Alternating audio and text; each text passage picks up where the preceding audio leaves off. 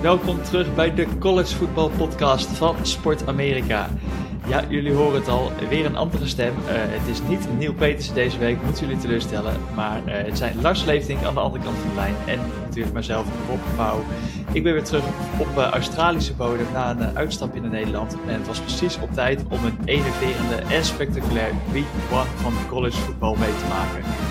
Want ik heb er enorm van genoten en ik weet zeker dat Lars dat eigenlijk ook wel gedaan heeft. En daar gaan we het uitgebreid over hebben over Week 1. Ben je er klaar voor, Lars? Ja, laten we doen.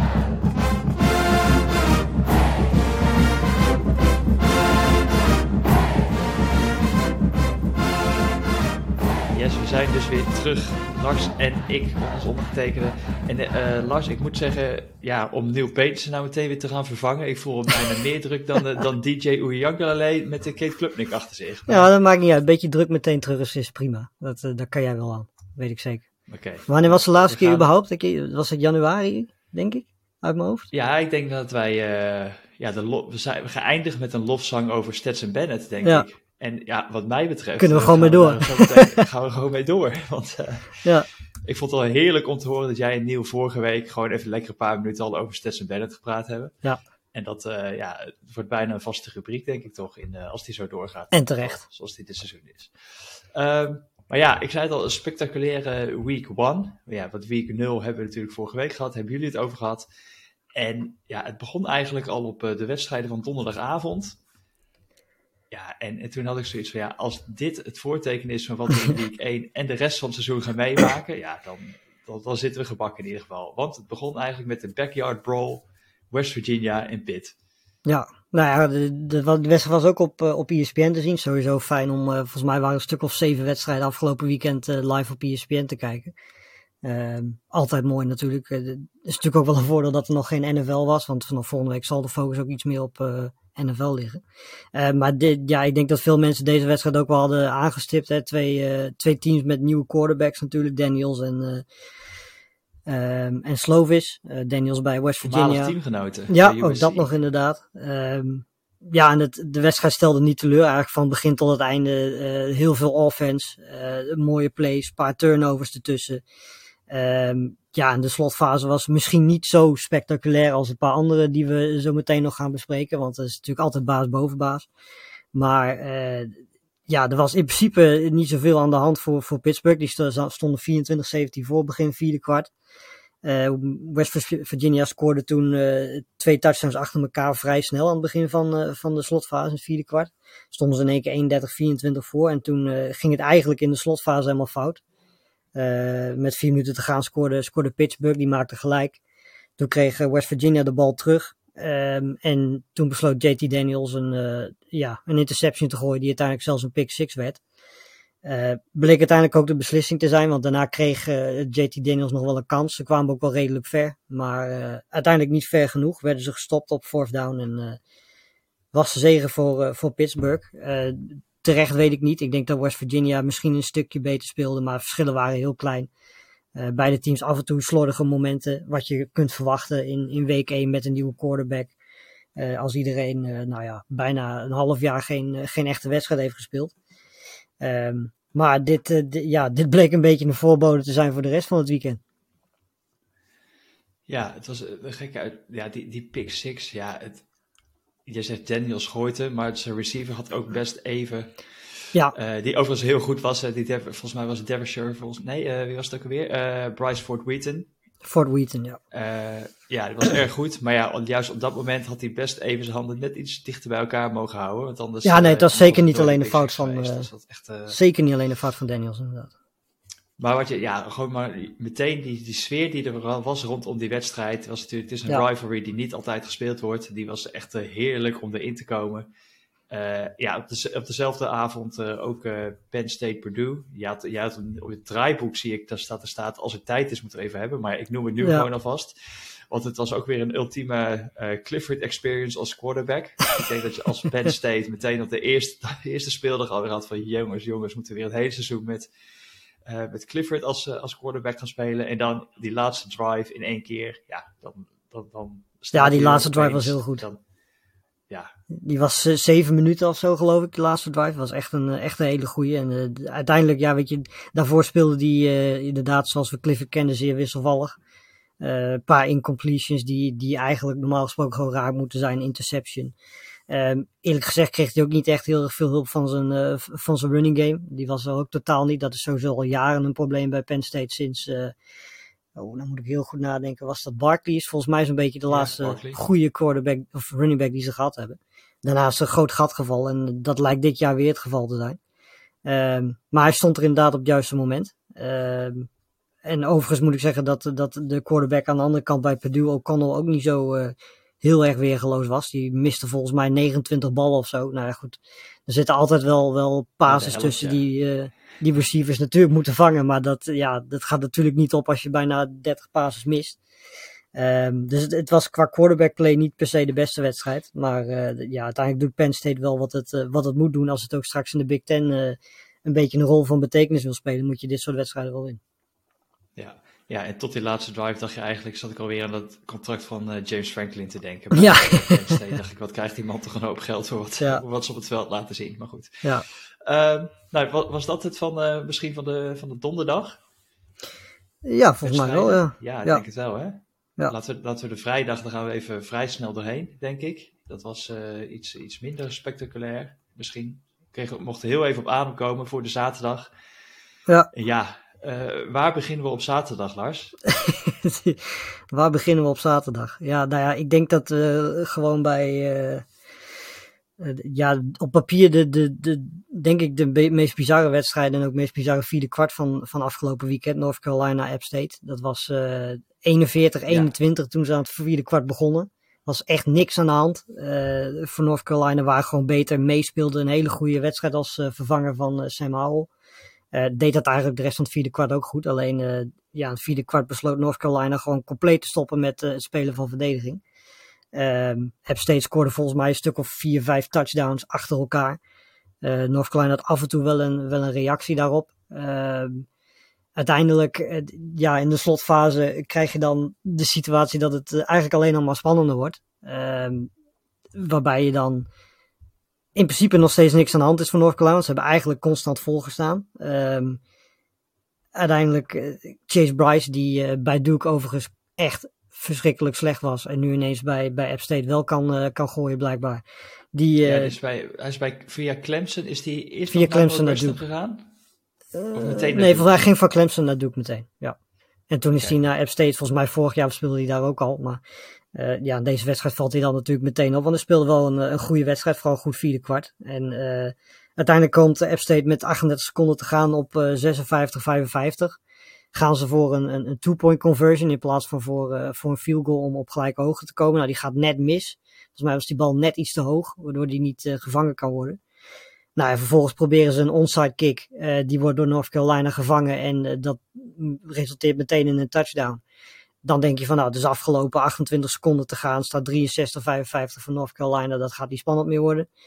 Um, en vervolgens uh, binnen 10 seconden gooit Chase Bryce gewoon weer een touchdown. waardoor het weer 63-61 wordt. krijgen ze weer een kans op een two-point conversion. En besluiten ze vervolgens de bal te rennen. Volgens mij was het Bryce zelf die zelfs ja. probeerde die bal er binnen te rennen. Nou, dat lukte echt net niet. Scheelde echt maar volgens mij een halve yard of zo. En daarmee, ja, vervolgens was er nog een onside kick. Maar goed, die werd uiteindelijk gewoon recovered en toen was het wel afgelopen. Maar dat, ja, het is een van de meest bizarre vierde kwarten die, die ik in college voetbal gezien heb. Um, en er waren er nogal wat überhaupt dit weekend. Maar dit, dit was wel de meest bizarre, denk ik. Ja, inderdaad, je noemde al de quarterback zo Drake May, die, nou, ik denk dat iedereen Sam Howell ongeveer vergeten is. Behalve, behalve ja, dat gaat vrij snel. Maar.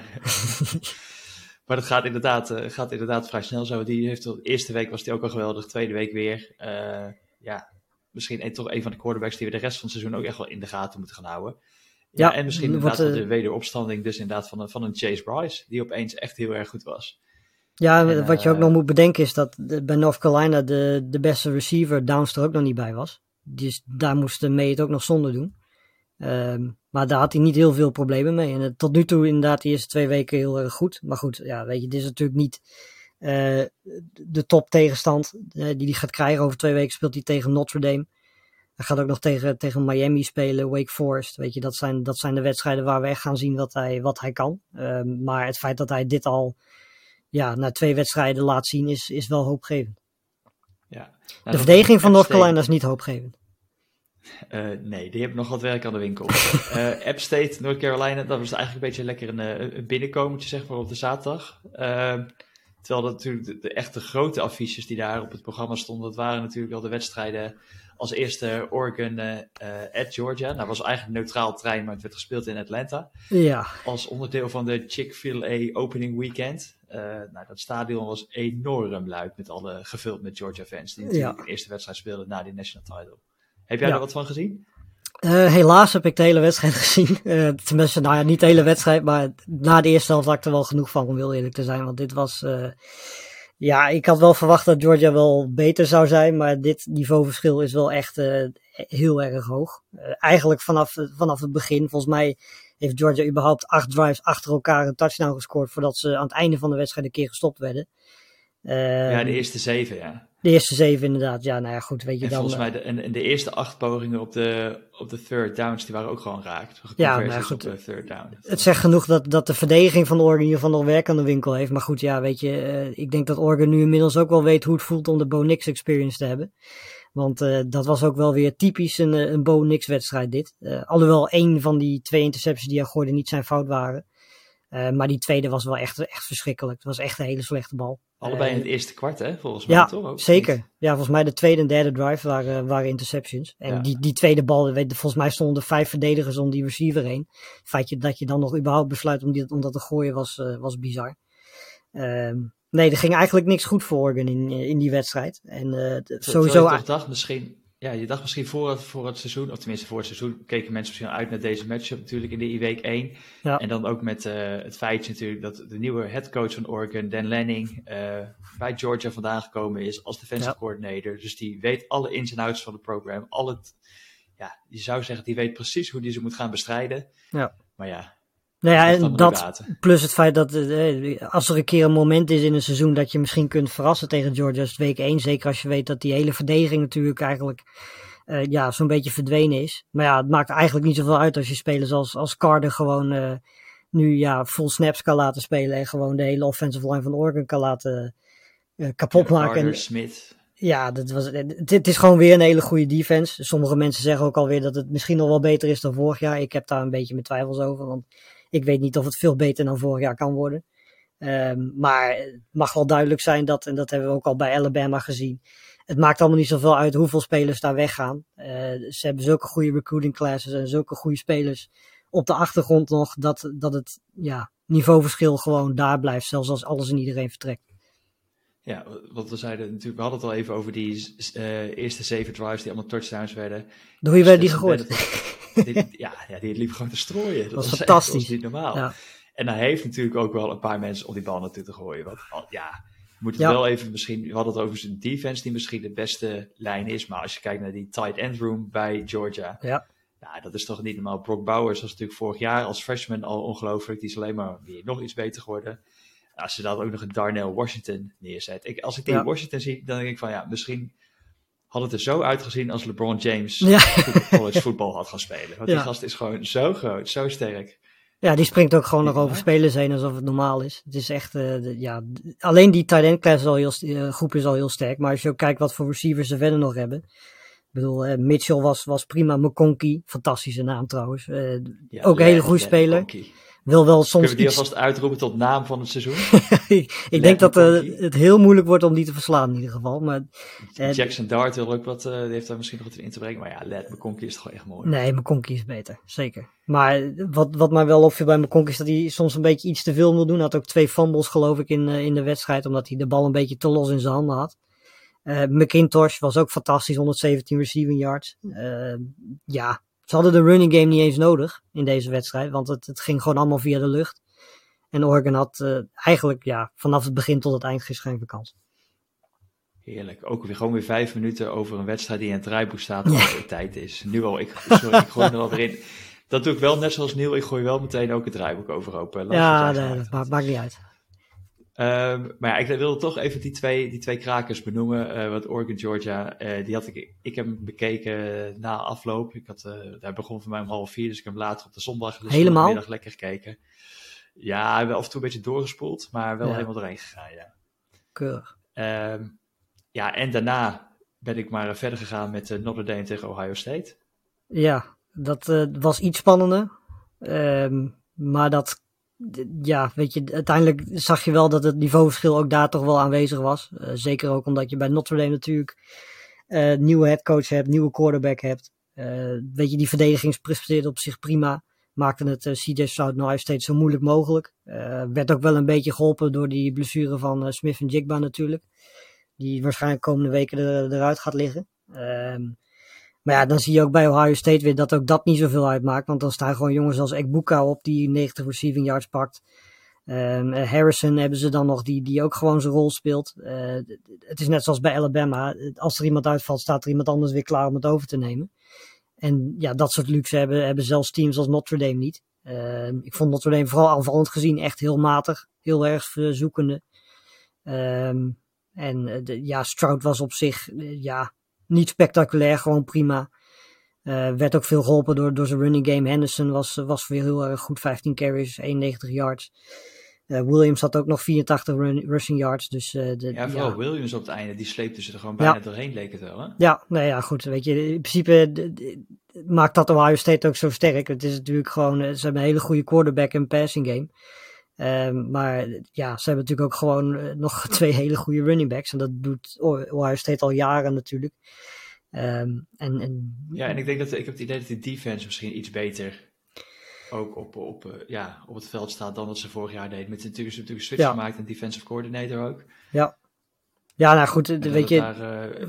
volgens mij is het redelijk duidelijk als we op basis van week 1 eventjes hele snelle conclusies trekken dat, dat Georgia, Alabama en, uh, en Ohio State de drie teams zijn die er bovenuit steken voor dit jaar. Uh, weet ja. je, we hebben bijvoorbeeld ook al, uh, gaan we straks erover, we hebben Utah gezien, die, hebben, die hadden ook hoog gehoopt, maar die hebben ook alweer verloren. Uh, Oregon, uit de ACC gaat er niet zoveel komen. Ik ben namelijk nog niet heel erg overtuigd van, van Clemson of Miami als echte ja, playoff kandidaten. Nee, ik, heb ik heb Clemson vanochtend gezien. Ja. Ehm, voor jou vannacht. Maar ik heb, ja, ik heb daar het grootste gedeelte een beetje van meegekeken op, uh, tijdens het werk op een second screen. Maar ja, dat hoefden we ook niet echt van onder de indruk te raken. Nee, nou ja, goed, uh, weet je, dan heb je nog Texas A&M. Ja, weet je, het is allemaal niet uh, van het niveau, zeg maar, wat, wat Ohio State, Georgia en, en Alabama hebben. Maar goed, het is nog vroeg in het seizoen, dus er kan nog van alles gebeuren. en een team waarbij er ook nog een hoop moet gaan gebeuren, dat is misschien wel LSU. Zo, heb je even. ja, we gooien even een bizarre wedstrijd er gewoon weer even bij. Jezus, het, het werd een bijna een beetje saai met de twee van die uh, ja, juggernauts. Maar ja, Florida State, LSU. Um, ja, in het draaiboek staat bizarre slotfase. Ja, het, ik heb geen andere manier om het, uh, om, ja, om het te benoemen, Lars. Misschien kan jij het proberen de luisteraar er doorheen te loodsen.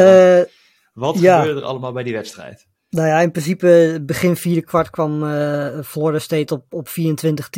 Uh, Florida State was ook gewoon beter. Uh, beter dan LSU in die wedstrijd. Had eigenlijk al veel eerder de wedstrijd een beetje wat meer moeten beslissen. Omdat ze ook daarvoor al een paar keer een, een missed field goal hadden. Ze hadden volgens mij op fourth down een kans die ze niet, die ze niet pakten. er was ook een drive waar ze een field, voor een field goal moesten gaan in plaats van een touchdown. Terwijl ze echt heel dicht bij de, bij de endzone zaten. Uh, ze waren gewoon beter. Travis, de, de quarterback, speelde heel erg goed. Uh, maar ja, op een of andere manier wisten ze het toch weer spannend te maken aan het einde. Daniels had uh, de quarterback van LSU, transfer quarterback, die had twee hele goede drives in de, in de slotfase. Twee hele lange ook. Uh, begon met, met een drive, geloof ik, zeven of acht minuten voor het einde. Die was uh, na 4-24 afgelopen, waardoor het 24-16 werd voor, voor Florida State. Uh, het gat werd toen al kleiner. Nou, vervolgens kreeg Florida State weer de bal. Daar kwam niks uit. Toen was er een punt.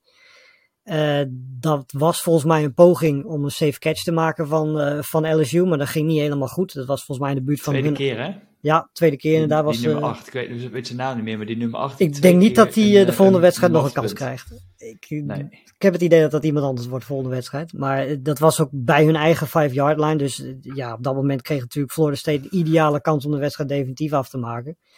Ehm, maar die besloten in plaats van gewoon vier keer rechtdoor te rennen en uh, of een field goal te kicken of de tijd in ieder geval door te laten lopen, probeerden ze een pitch naar de rechterkant. En dat werd een fumble, waardoor LSU uh, toch weer in leven was. Ehm, ja, vervolgens die drive van Daniels was fantastisch. Binnen, binnen vier minuten richting, richting de endzone van, uh, van LSU 99, of richting de endzone van Florida State 99 yards hadden ze nog geluk aan het einde, want die, die receiver, ik ben zijn naam even kwijt, die was echt met één seconde nog te gaan, ging die, ging die oude bounce. Dat had ja. echt helemaal niks geschild.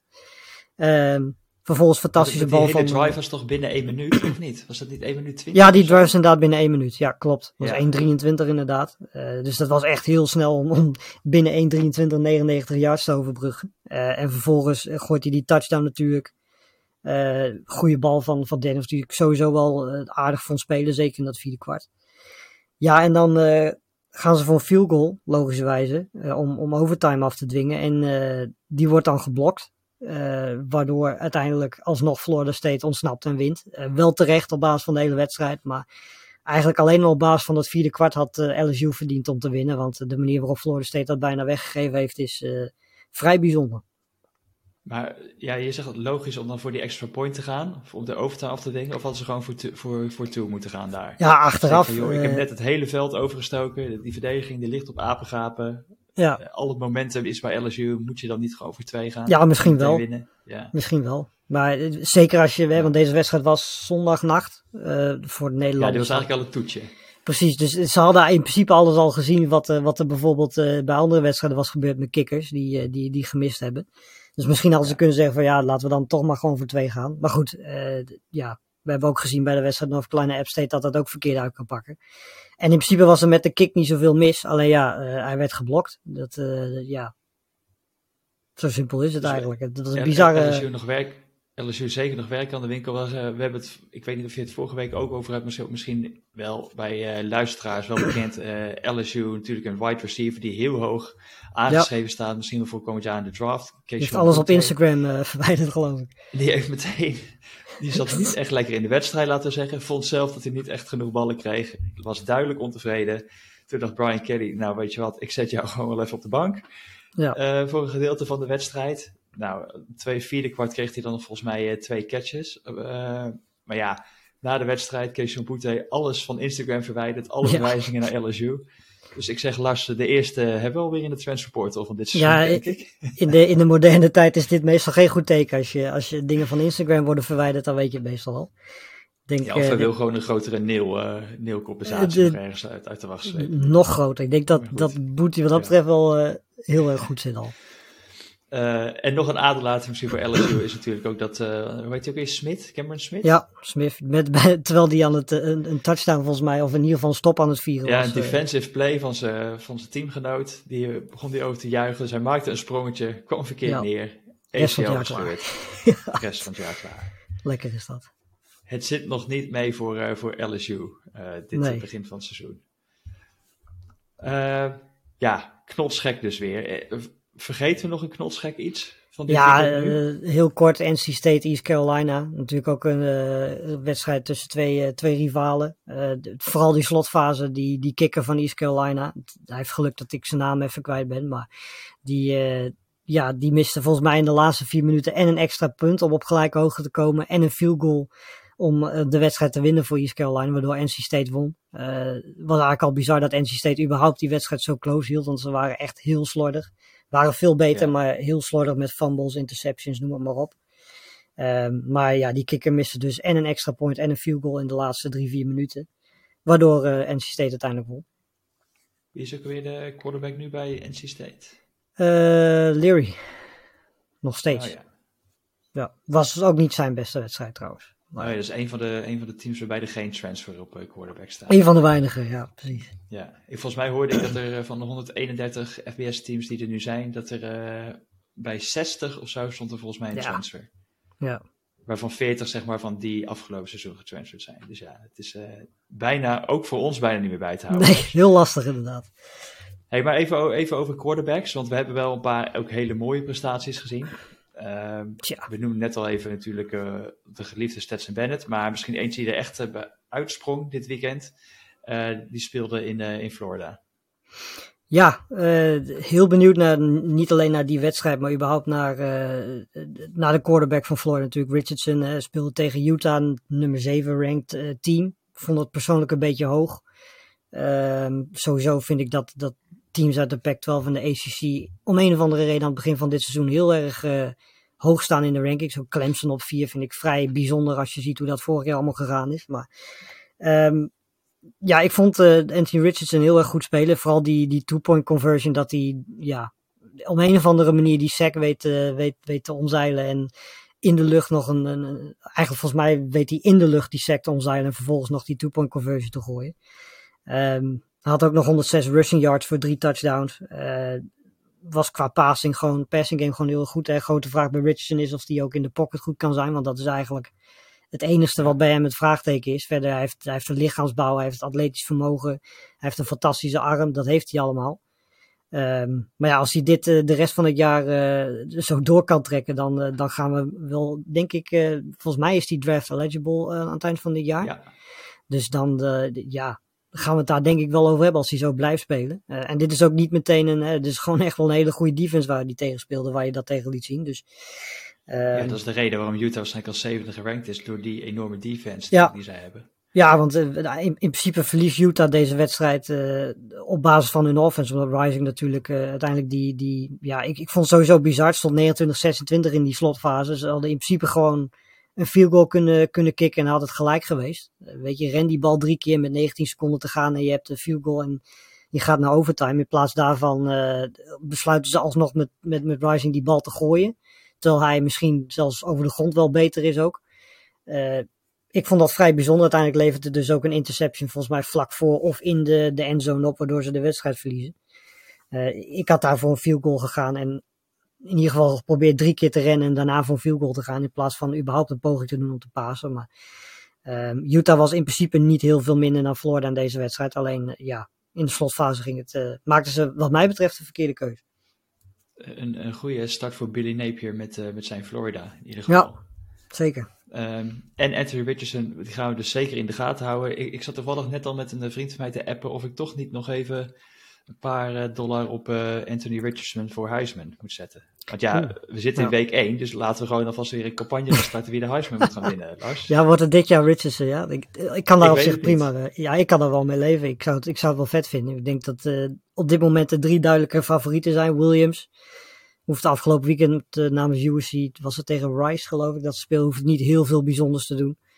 Uh, nou ja, we hebben Stout natuurlijk al besproken. Uh, ja, Bryce Young was uh, ronduit bizar weer. Volgens mij ook gewoon zes touchdowns en rush ja, 100 uh, yards. Dus. 195 uh, passing yards, 5 touchdowns en ook nog 100 rushing yards van de touchdown. Um, ja, die, die, ongekend. Natuurlijk was het tegen Utah State. Hè, dat is meteen iets wat je er dan bij moet halen. Maar uh, ook die ene paas dat hij volgens mij drie, vier uh, verdedigers die hem proberen neer te halen ontwijkt. En alsnog die bal uh, op één voet bij een receiver weet te krijgen. Ja, dat, dat zijn plays die in principe alleen jongens als William Stroud, Richardson en hij kunnen maken. En ik hoop vooral dat Young, en als dit, dit zou misschien een voorbode kunnen zijn, die 100 rushing yards. Maar ik hoop vooral dat Jong uh, zichzelf misschien ook wat meer realiseert dat hij ook gewoon met zijn voeten bizar goed is. Um, want hij, hij, is natuurlijk iemand die niet heel erg houdt van rennen. Die dat eigenlijk alleen doet als het echt nodig is. Um, maar ik hoop dat dit een voorbode is dat hij ook weet dat hij op die manier heel erg succesvol kan zijn. Zoals, uh, zoals bijvoorbeeld Richardson dat ook al weet. Ja, ja, dus uh, dat zijn zeker namen die we in de gaten allemaal moeten gaan houden. Ja, laten we ook gewoon Stetson Bennett in het rijtje zetten, joh. Die we in de gaten moeten houden. Waarom uh, ik, fluister, ik fluister het even snel in, flauw. Uh, Oké, okay, nou dat was denk ik... We hebben het geprobeerd een beetje bondig overzicht te houden van week 1. Maar er is gewoon zoveel gebeurd. Dus ik denk ja, dat... We hebben nog geluk dat er...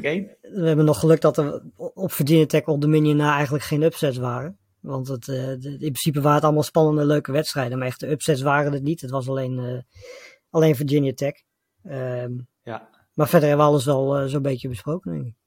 Oké. Okay. Nou ja, dat is week 1. We hebben een paar dagen om even bij te komen. Voordat, ja. het, voordat week 2 op het programma staat. Um, qua matchups, als ik er op het eerste gezicht naar kijk, denk ik van nou, dat is toch wel ietsje minder aantrekkelijk dan, de, dan week 1. Maar uh, het begint op een, denk ik, op, wat is het, 6 uur zaterdagavond Nederlandse tijd? Ja, Nederlandse tijd inderdaad. Alabama, Texas. Ja, die wedstrijd wordt helaas niet op, uh, zag ik op ESPN. Uh, het was even onduidelijk welke wedstrijd op ESPN uitgezonden zou worden. Maar dat wordt niet uh, Alabama-Texas. Ik denk omdat die wedstrijd tussen Alabama en Texas op CBS is. Nee, die is op Fox. Op Fox, hm. ja. ja. Normaal zenden ze die wel uit, maar ze kiezen van wat ik zo kan zien nu voor Penn State tegen Ohio. Niet Ohio State, om even duidelijk, duidelijk Nee, niet Ohio State inderdaad. Um, maar ja, nou goed, dat is jammer. Maar ik denk dat Alabama-Texas uh, wel een leuke wedstrijd kan zijn. Ondanks dat ik denk dat Alabama normaal gesproken gewoon beter is. zijn ook 20 punten favoriet. Zegt denk ik ook wel meer dan genoeg. Um, maar wel heel erg benieuwd vooral naar, uh, naar Ewers. Uh, want die, die speelde afgelopen weekend niet heel bijzonder. Had een interception geloof ik. Uh, maar goed, die hoeft ook niet heel erg veel te doen tegen de tegenstander waar je tegen speelde. Maar dit, dit is natuurlijk wel uh, iets anders als je straks de verdediging van Alabama tegenover je gaat krijgen met uh, ook een paar Heisman-kandidaten daarin. dus dat wordt een mooie eerste test voor hem. Um, ja, ja. Quinn Ewers is natuurlijk de jonge quarterback overgekomen van Ohio State. Ja. waar hij misschien eigenlijk alleen maar is geweest om een jaartje geld te vangen. Zeker. een neel compensatie. Dan mag je gerust zeggen dat hij dat gewoon, dat gewoon okay. gedaan heeft. Ja. Maar inderdaad, Texas. Maar, en uiteindelijk de storylines zijn natuurlijk ook uh, Sark, hè, ja. dat hij uh, tegen Alabama speelt. Waar ja. natuurlijk weg is gegaan als uh, offensive coordinator om die het coaching job te nemen bij Texas. Ja, ja het is in ieder geval duidelijk Texas. met afstand de leukste wedstrijd om 6 uur. Dat Nederlandse tijd. Ja, maar ja, goed, jij kan altijd de Sean Clifford Experience gaan bekijken. Nou, om 6 uur, daar heb ik voorlopig wel weer even genoeg van gehad, denk ik. Hey, wat hebben we nog meer te zien op ESPN komend um, om half tien uh, gaan ze voor, even kijken, Tennessee tegen uh, Pittsburgh. Leuke wedstrijd op zich. Ik denk dat oh, Tennessee ja. uh, zeker een leuke offense hooker. ook heeft. Ja, en de hooker inderdaad. Een paar leuke, leuke wapens ook erbij. Um, gaan we veel punten zien, denk ik. Want beide teams zijn verdedigen die zo heel bijzonder. Dus dan gaan we in ieder geval heel veel punten zien. Twee goede quarterbacks zien. Dus dat, dat is in principe wel een garantie voor spektakel. Um, en dan s'nachts Stanford USC om half twee. Dus uh, voor de mensen die Williams willen zien. Uh, tegen McKee. Ook een uh, hele goede quarterback. Dat is zeker een leuke matchup om, om naar te kijken. Want dat zijn twee jongens die we. Nou ja, Williams. Ik weet eigenlijk niet eens of Williams de draft in kan in 2024. Nee, nog niet. Nee, precies. Dus McKee wel in ieder geval, dat weet ik wel. Maar Williams dus niet. maar ja, weet je, als je twee. Misschien wel quarterbacks voor de toekomst in de NFL wil zien, kun je dat dus om half twee op ESPN 4 zien. Ja, en als er iemand is die helemaal geen genoeg van kan krijgen, heb je om vijf uur nog uh, Baylor tegen BYU. Zal om voor Baylor even wennen zijn, denk ik, om, om uh, op zo'n laat tijdstip nog te spelen. Zijn ze helemaal niet gewend. Maar uh, ja, ook een hele leuke wedstrijd. Want zeker BYU heeft echt wel weer gewoon een hele leuke ploeg. En als je geen tijd hebt, kun je altijd nog overdag natuurlijk naar college football final kijken, waar alles gewoon langskomt. Um, altijd een leuk programma. Zondagochtend, 11 uur. Ja, precies. Weet je, in principe weet je, ik kan me voorstellen dat er mensen zijn die wedstrijden s'nachts uh, niet zijn, niet kiezen, niet kijken. Dus dan kun je gewoon s ochtends die, uh, die samenvatting zien. Er komt eigenlijk nagenoeg alles langs. Niet heel uitgebreid, maar wel uh, lang genoeg om alles een beetje mee te krijgen. Hey, en zit er naast die wedstrijd die je nu noemde, die op tv te zien zijn, nog een, een andere wedstrijd bij waar je toch stiekem wel um, speciaal oog naar kijkt? Of? Nou, twee, Kentucky, denk Florida, ik. Ja, Kentucky, Florida, zeker. Uh, Levis tegen, uh, tegen Richardson, twee hele goede quarterbacks ook. Um, heel benieuwd of Florida het ook tegen, tegen deze defense kan doen, want Kentucky heeft ook uh, altijd een goede defense. Um, maar goed, ze hebben nu ook een offense erbij en een goede quarterback erbij, dus dat wordt wel, wordt wel een leuke wedstrijd. Die wedstrijd is om 1 uur s'nachts, Nederlandse tijd. Um, en Washington State tegen Wisconsin heb ik om half tien ja, ook ik uh, staan. dat je hem zou noemen, Lars. Ja, want uh, Graham Mertz, ja, weet je, die, ik heb de hoop een beetje opgegeven op uh, Graham Mertz, als ik heel eerlijk ben. Maar afgelopen weekend was hij wel aardig. Uh, maar waar ik vooral benieuwd naar ben, is bij Washington State. Ward, die natuurlijk van Ken het tweede Ward. niveau is gekomen van college en dus nu bij Washington State speelde, speelt. Afgelopen weekend wel, ook wel aardig. niet heel erg per se indrukwekkend debuut. Maar dit, uh, dit gaat wel zijn eerste echte test worden in uh, Wisconsin tegen een hele goede defense. Um, ja, de, ik denk de eerste wedstrijd dat hij echt op, op een, echt een heel hoog niveau moet gaan spelen. Ik ben benieuwd of hij dat, uh, of hij dat aan kan. Ja, lekker hoor. Ik, ik dacht nog, die ga ik erin gooien. Want misschien heeft Lars hem niet helemaal op het oog. Maar natuurlijk had jij hem ook gewoon op het oog. Cameron Board die tegen de defensie Zeker. van de Wisconsin Badgers mag aantreden. Ja, ja en verder is het niet ik denk dat we dan de leukste wel, wel zo'n beetje gehad hebben. Je komt dan al snel bij, bij South Carolina, Arkansas. Uh, ja. App State, Texas A&M. misschien. Weet je, Texans hebben natuurlijk wel iets beter dan, dan North Carolina is. Dus ze hebben steeds al daar wel iets meer zijn best moeten doen. Maar ja, verder weet je, ik bedoel, teams als Georgia en Alabama hebben gewoon weer hele makkelijke wedstrijden. Nutteloze wedstrijden tegen Sanford en tegen, uh, tegen wie speelt Alabama eigenlijk? Spelen die überhaupt tegen? Texas. Oh ja, Alabama speelt tegen, tegen Texas, Texas ja. Nou, dat is iets minder. Maar ik zie ook nog een uh, Iowa State at Iowa. Misschien is dat er nog wel ja. een leuke... Ja, als je daar... Zullen we, niet, zullen we niet echt veel punten te zien krijgen? Ja, daar, ik zou zeggen, als je daar een leuke wedstrijd, spannende wedstrijd of een spectaculaire wedstrijd wil zien, moet je daar niet naar, uh, naar gaan kijken. Die, die offense van uh, Iowa afgelopen weekend was echt ook weer verschrikkelijk. Ze ja, hebben, wat, die hadden volgens mij zeven punten. Maar dat ze was, hadden een field goal en twee safeties. Ja. ja. en het erge was nog dat de tegenstander maar drie punten scoorde. Dat is misschien nog wel het meest bizar wel. Lekkere 7-3 overwinning. Punten in de tassen weer naar huis. Uh, nog één vraag aan jou, voordat we afsluiten. Ja. Uh, de playoffs. Playoffs format. Van wat volgens mij oh, ja. vorige week, voordat het seizoen überhaupt begon, al naar buiten kwam. Zat er al een tijdje aan te komen natuurlijk, maar het lijkt erop in ieder geval vanaf 2026. Maar uh, ze hopen 2024 als ze een tv-deal en zo kunnen, kunnen fixen. Um, dat we van 4 naar 12 teams in de playoffs gaan, waarbij er dus uh, vier al geplaatst zijn, de beste vier. Uh, dat zullen dus waarschijnlijk in het geval van, van dit seizoen bijvoorbeeld een Ohio State, Alabama, Georgia zijn bijvoorbeeld. die hebben dan de eerste ronde rust. Maar in principe volgens mij uit mijn hoofd zijn het dus 16 teams. zes conference champions. Dus de zes uh, conference champions die de beste uh, record hebben. Dus dat betekent ook dat teams buiten de Power 5. Hey, je hebt in principe de vijf Power 5 uh, conferences. Big 12, Big 10, Pac 12, SEC en ACC. Die gaan daar normaal gesproken wel bij zitten. Maar er is dus een zesde plek. Um, dat geeft in principe wel meer mogelijkheden, denk ik, voor die teams. zoals bijvoorbeeld Cincinnati om er wat makkelijker in te komen. En de overige zes plekken gaan gewoon naar de teams met het beste record daarna. Um, en die spelen dan, zeg maar, je speelt dan gewoon uh, vijf tegen, de, de, in principe de eerste twaalf teams spelen dan de eerste ronde tegen elkaar. En daarna komen die vier teams die uh, een bye hebben in de eerste ronde, die, die stromen er dan in. Dus dan heb je in principe tweede ronde, achtste finale, kwartfinale, halffinale en finale. Zijn het er niet gewoon twaalf teams, dat er vier een bye hebben en dat er dan... Wat zei ik? Zei ik 16? En dat de, ja, maar maakt niet uit. We, we ik bedoelde twaalf inderdaad, ja. Ja, dus twaalf teams, uh, die eerst aangespeeld tegen elkaar en dan die later vier komen dan vervolgens ja. uh, erin. Ja, ik vind het ook wel interessant, omdat jij nu bijvoorbeeld nu in Cincinnati, maar als die ploegen inderdaad zo meteen, die gaan naar de Big 12, als ik ja. het goed heb. En Houston Cincinnati, ook. Ja. En, dus ja, je krijgt toch een, ja, die, die zesde conference winnaar, zesde, ja, die is toch, uh, ja, je zou zeggen dat het toch echt wel wat een stukje lager niveau is. Ja. En interessant ook dat een, iemand als uh, een team als Notre Dame kan natuurlijk ook gewoon geen conference champion worden. Want die zit in die nee. conference als independent. Nee, daarom dus zit inderdaad. Altijd, uh, toch die extra Notre wedstrijd zo meteen in die playoffs moeten spelen. Dus. Ja, daarom zit Notre Dame volgens mij ook apart in die, in die onderhandelingen. Dat is volgens mij ook een van de redenen dat, dat Notre Dame, weet je, de kans is natuurlijk vooral heel erg groot dat zij naar de, de ACC gaan dan. Uh, wat volgens mij ook gebeurd is in die tijd toen dat we twee jaar corona hadden. Toen zaten ze daar in principe ook in de, in de ACC in principe is dat de meest logische plek om naartoe te gaan voor natuurlijk. Maar ja, als ze de playoffs willen halen, dan zullen ze in principe wel ergens in de conference moeten zitten. Want anders dan uh, de, ja, spelen ze daadwerkelijk eigenlijk het hele seizoen voor, uh, voor een ballgame en dat is het. Ja, kijk, ik snap dat die beslissing van die 12 teams, dat die uh, expansion gemaakt wordt. Maar ja, gaat het nou uiteindelijk nog een verschil maken in de teams die we altijd zien bij Nee, het, het, enige verschil wat het gaat niet. maken is, is geld. Ja, dat, zit wedstrijd de, voor, het levert extra geld op.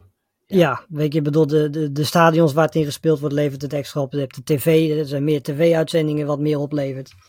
Uh, maar uiteindelijk doorgaan ook, ook. Over vijf jaar zitten we ook gewoon naar, uh, naar Georgia, Alabama. Ohio nee, ja, daar gaat in, en, uh, in principe niks aan. Het enige voordeel voor, voor ons als fans is dat er meer wedstrijden zijn.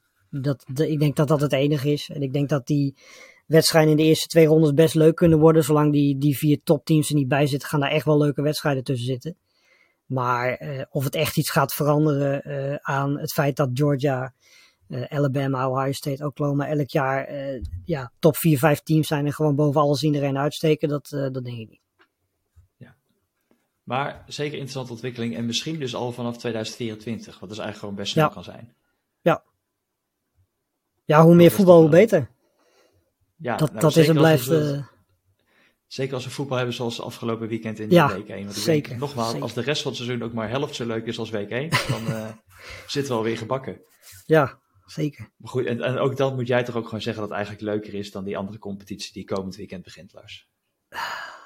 Ja, weet je, uh, dit is heel gevaarlijk terrein, want ik zit ook in die andere podcast namelijk en ik weet niet of ik terug mag komen als ik uh, hier hele rare okay, dingen ga zeggen. Dus ik vind ze allebei heel erg leuk om politiek correct te zijn. Oké, okay, top. Nee, je mag zo meteen het echte antwoord geven als we zo. want, dat gaan we, want dat gaan we nu doen. Uh, geen nabranders meer. Wij zien elkaar uh, volgende week. Ja, in principe hebben we alles wel, uh, wel gehad, denk ik. Oké, okay, top. Gaan we volgende week gewoon weer doen. Ja, of, of misschien is Niels er weer. Weet, we moeten even kijken hoe het zit met de wisselende rotatie dit seizoen. Hoe ja, we zijn allemaal druk. In, uh, in de drukke programma's natuurlijk. Uh, er zit nog een tijdsverschilletje bij. Dat bij mij natuurlijk een beetje meespeelt nog. We gaan, zoals jullie vorige week ook al zeiden, zeker ons best om iedere week even voor jullie te zijn. En met een uh, overzicht van wat er allemaal gebeurt in de knotsgekke wereld van voetbal. Lars, ik zeg dankjewel en tot volgende week. Yes, gaan we doen.